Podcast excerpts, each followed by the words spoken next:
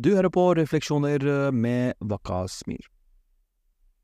I dag vil jeg gjerne snakke om anonymitet og mot når det gjelder debatt om Palestina-saken på nettet.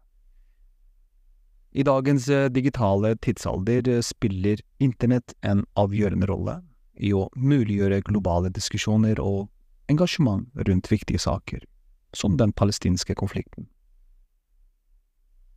Mens noen er villige til å stå frem med sine meninger og støtte offentlig med navnet sitt, velger andre å forbli anonyme. Dette bringer opp spørsmålet om hvorvidt anonymitet er et tegn på mot, eller om det kan føre til uansvarlig oppførsel i debatter rundt Palestina.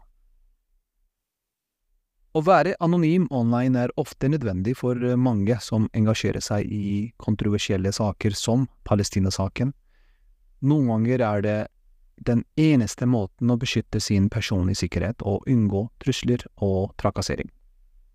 Jeg driver en pro-Palestina-gruppe på Facebook og får utrolig mange meldinger fra palestinere og andre som er pro-palestinere, som sier at de har mottatt trusler og blitt trakassert.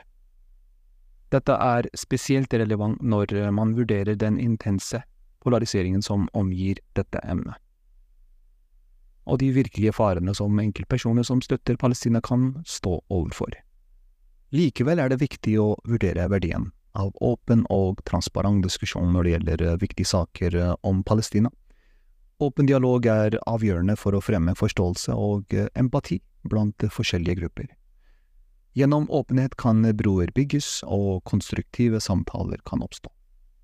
Når enkeltpersoner velger å forbli anonyme, kan dette hindre muligheten for slike dialoger, og svekke potensialet for en fredelig løsning. En annen faktor å vurdere er ansvar og ansvarlighet i online-diskusjoner. Å stå til ansvar for ens ord og handlinger er en viktig del av ansvarlig diskusjon. Anonymitet kan noen ganger føre til uansvarlig oppførsel, hvor folk føler seg frie til å spre hat og skadelig retorikk uten konsekvenser. Dette underminerer målet om konstruktiv engasjement, og kan skade debattklimaet rundt Palestina-saken. Det er også verdt å merke at anonymitet kan brukes til å forsterke underrepresenterte stemmer og beskytte sårbare enkeltpersoner.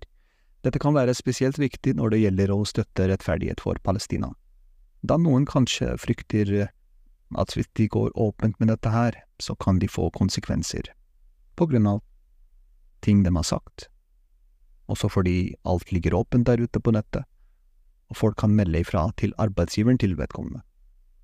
Å vite at det er anonyme støttespillere kan oppmuntre andre til å engasjere seg mer aktivt i saken.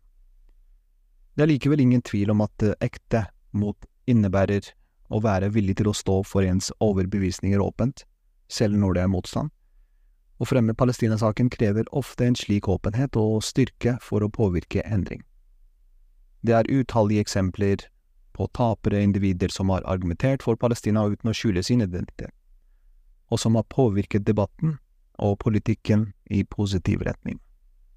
Så hva er den rette tilnærmingen?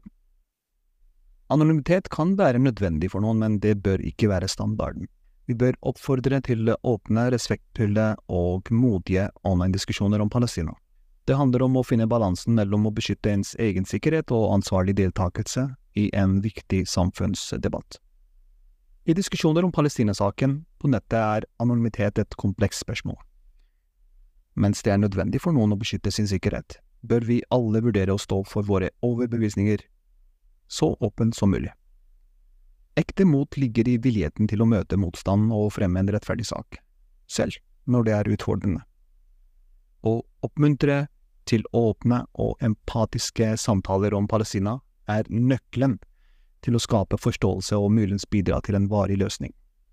Her er noen grunner til hvorfor det er utrolig viktig å vise støtte til Palestina uten å være anonym.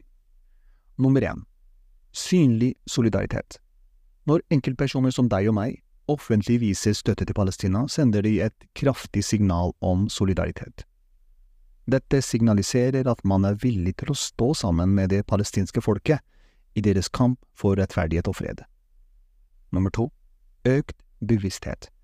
Åpen støtte bidrar til å øke bevisstheten om Palestina.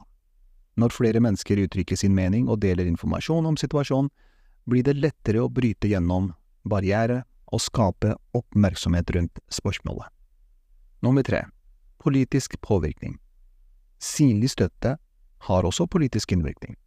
Når individer står frem og presser politikere og myndigheter til å ta stilling, kan det føre til endringer i politikk og diplomati. Nummer fire Fremme av dialog. Åpen støtte kan oppmuntre til dialog og debatt. Når mennesker er villige til å stå frem med sine meninger, skaper det muligheter for diskusjon og utveksling av synspunkter. Nummer fem Inspirasjon til handling. Synlig støtte kan inspirere andre til å handle.